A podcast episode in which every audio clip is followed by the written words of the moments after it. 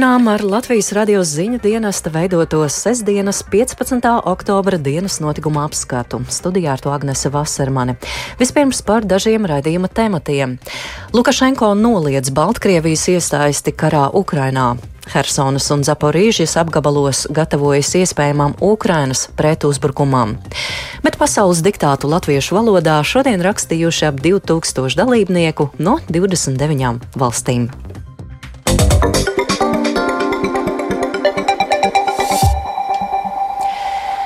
Baltkrievija karā Ukrainā ne ar vienu nekaro un arī negatavojas karot. Par to paziņojis Baltkrievijas prezidents Aleksandrs Lukašenko. Šāds viņa paziņojums ir izskanējis laikā, kad Baltkrievijā ieradies pirmais vilciena ešalons ar Krievijas bruņoto spēku tehniku un karavīriem. Tikmēr uz laiku okupētajās Hersonas un Zaporīžas apgabalos vietējās varas iestādes gatavojas iespējamām Ukrainas pretuzbrukumam. Vairāk par visu stāsta Uģis Lībietis. Šīs nedēļas sākumā Baltkrievijas prezidents Aleksandrs Lukašenko paziņoja, ka ar Krieviju ir panākta vienošanās par Savienības valsts bruņoto spēku vienotā grupējuma izveidi. Šorīt Baltkrievijas teritorijā ieradās pirmie vilcienu sastāvi gan ar Krievu spēku bruņu tehniku, gan karavīriem. Kā norāda Baltkrievu un Krievu amatpersonas, šāda spēku ierašanās galvenokārt ir domāta tam, lai pastiprinātu Baltkrievijas robežas aizsardzību. Taču tā kā pēdējā laikā arvien biežāk izskan bažas par to, ka Krievija kārtīgi reiz varētu izmantot Baltkrievijas teritoriju uzbrukumu veikšanai, pamēģināt mērķiem Ukrainā, aktīvi tiek apspriest arī Baltkrievijas turpmākā iesaistīšanās karā.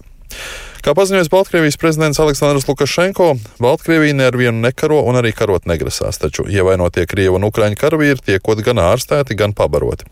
Savukārt runājot par turpmāko notikumu attīstību gaitu, intervijā amerikāņu raidsabiedrībai NBC Lukašenko paudas viedokli, ka pasaules pieeja konflikta risināšanā nav pareiza. Мир занят сейчас проблемой ищут ответ на вопрос, кто виноват. Pasauli pašlaik ir aizņemta ar jautājumu, kurš ir vainīgs. Klausieties, pēc tam tiksim skaidrībā, kurš ir vainīgs.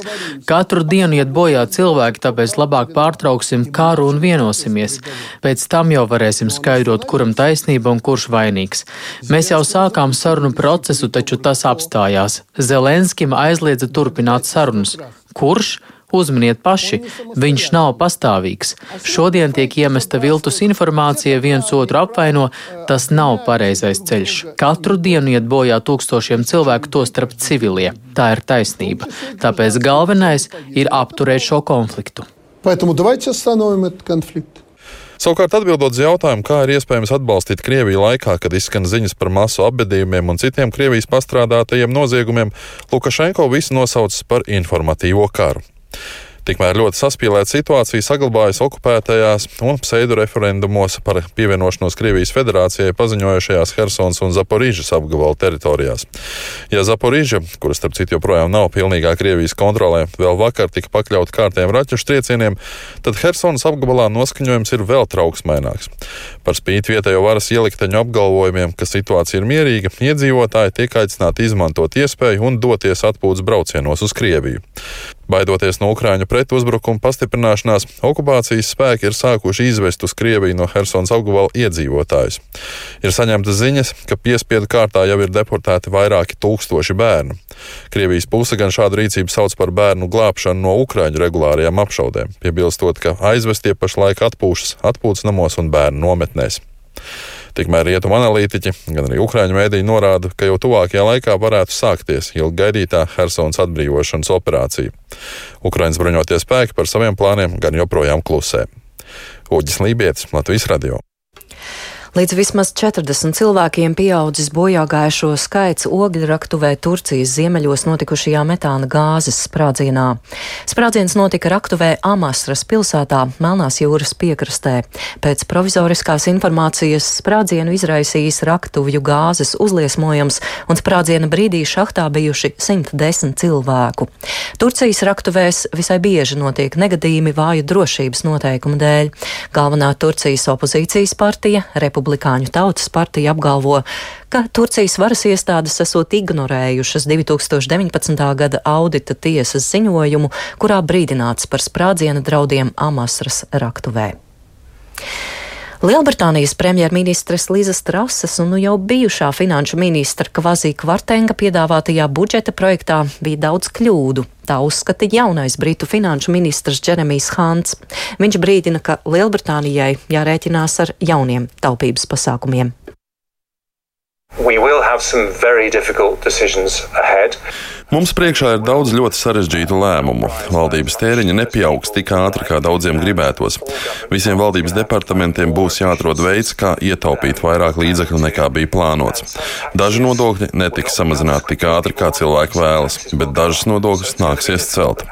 Taču pieņemot šos sarežģītos lēmumus, manas un valdības prioritātes ir aizsargāt ģimenes un uzņēmumus, kuri piedzīvo ļoti izaicinošu laiku. Mēs domājam par šiem ievainojamākajiem cilvēkiem, jo šī ir iejūtīga konservatīvo valdība.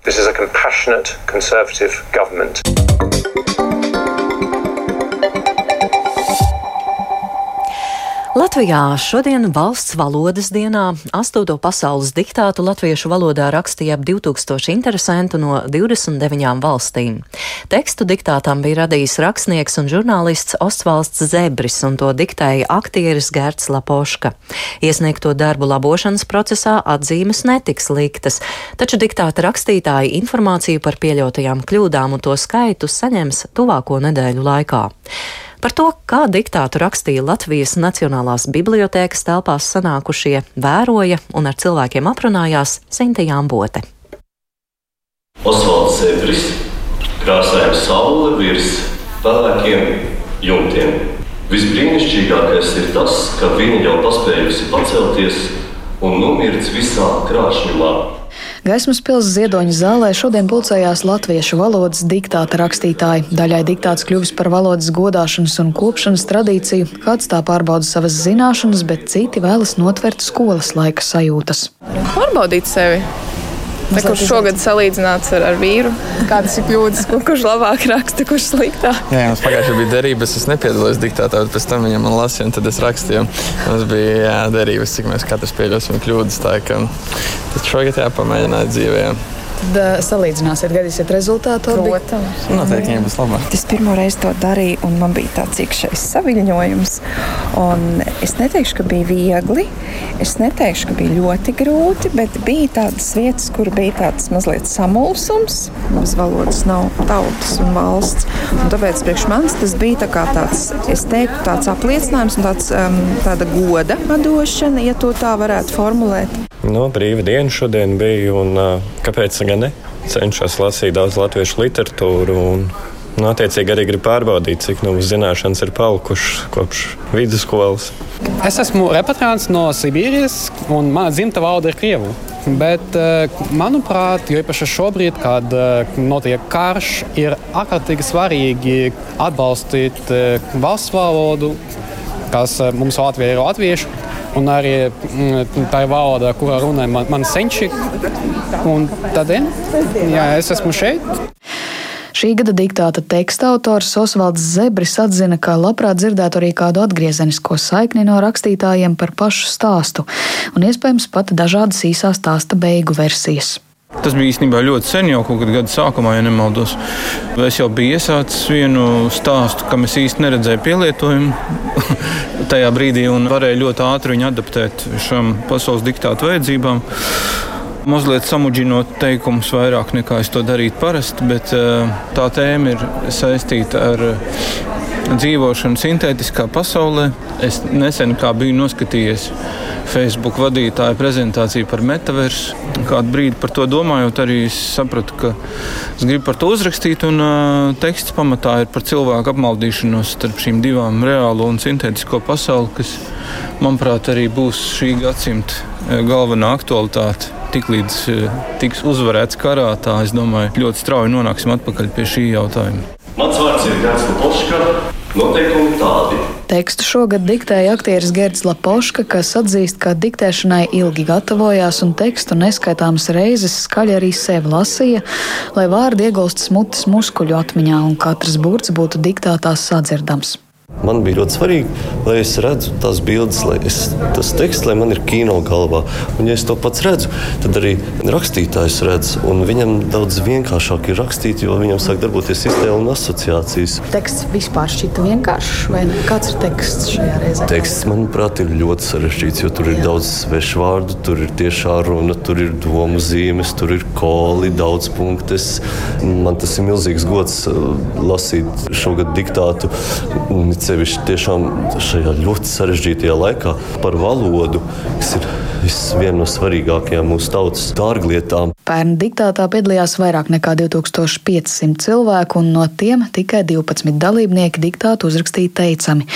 Šogad klātienē un tiešsaistē savas valodas zināšanas pārbaudīja ap 2000 cilvēku 29 dažādās valstīs, un rezultātus rakstītāji saņems tuvāko nedēļu laikā. Sinti Ambote, Latvijas radio.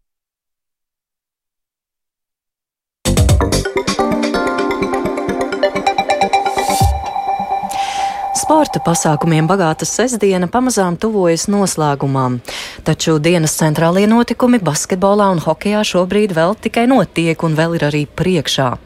Un šajā brīdī esam sazinājušies ar mūsu sporta korespondentu Māri Bergu. Labvakar, Māri!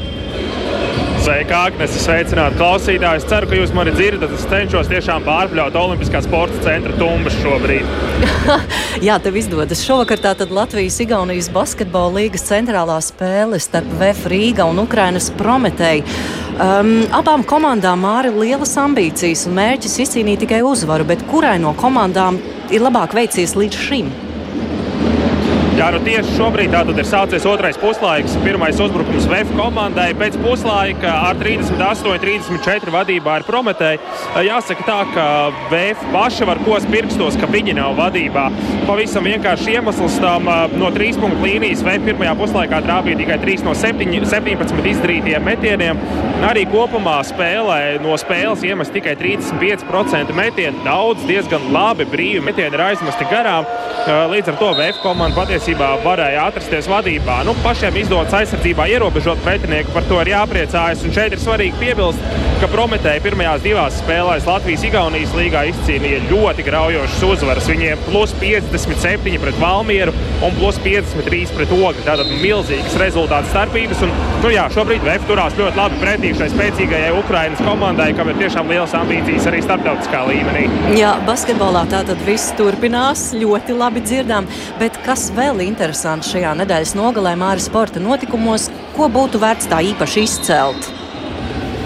Nu, es domāju, ka hokeja faniem šodien ir tāds labs un interesants vakars. 8. vakarā pēc Latvijas laika sāksies Floridas Panthers un Buffalo Sabres spēle Nacionālajā hokeja līgā. Pirmais latviešu kluba duelis NHL šajā sezonā - Rudolfs Balcers pret Zemgusu Kirkensonu. Tātad 8. šī spēle. Abām komandām ir nospēlēts jau pirmās spēles. Nu, Floridai pēc sastāvā pārmaiņām ir lielas ambīcijas. Viņi vēlas cīnīties par Stanley kausu. Komandas galvenais treneris Pols Morīs pirmsspēles sarunā ar amerikāņu žurnālistiem uzsvēra, ka no pirmās spēles ir gūtas vairākas atziņas, bet viņu priecēja Floridas Panthers komandas mikroklimats. Un tagad paklausīsimies Panthēru galveno treneri Polu Morīsu. Esam sākuši savu ceļu, lai attīstītu dažādus mūsu spēles aspektus. Vēsturiski esam bijusi laba komanda ātrajās pārējās, bet pirmajā spēlē Islanders tādu spēli nepieļāva. Mums jāatrod dažādi veidi, kā iemest. Var spēlēt vairākumā un neko neiemest, bet tik un tā jāatrod veids, kā uzvarēt 5 pret 5. Gana daudz laika pavadījām uzbrukuma zonā, iemetām divus vārtus, un tas ir pats galvenais. Atskatoties uz spēli, bija interesanti, bet mums uz soliņa ir jau jautra spēlētāju grupa. Viņi spēlē nopietni un centīgi, bet saglabā labu humora izjūtu. Šķiet, viņiem patīk spēlēt kopā. Viens otru viņi kārtīgi pavelk uz zoba, tāpēc mūsu soliņš ir tiešām jautra vieta. Jā, vēl Prometēja spēlē rezultāts 38, 37. un uh, spēle tiešām var redzēt LTV 7. Man šovakar tas arī viss.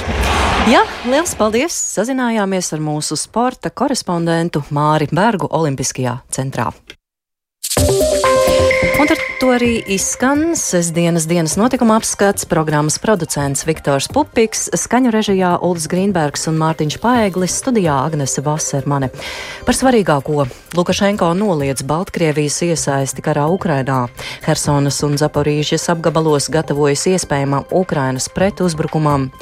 Un pasaules diktātu latviešu valodā šodien rakstījuši ap 2000 dalībnieku no 29 valstīm.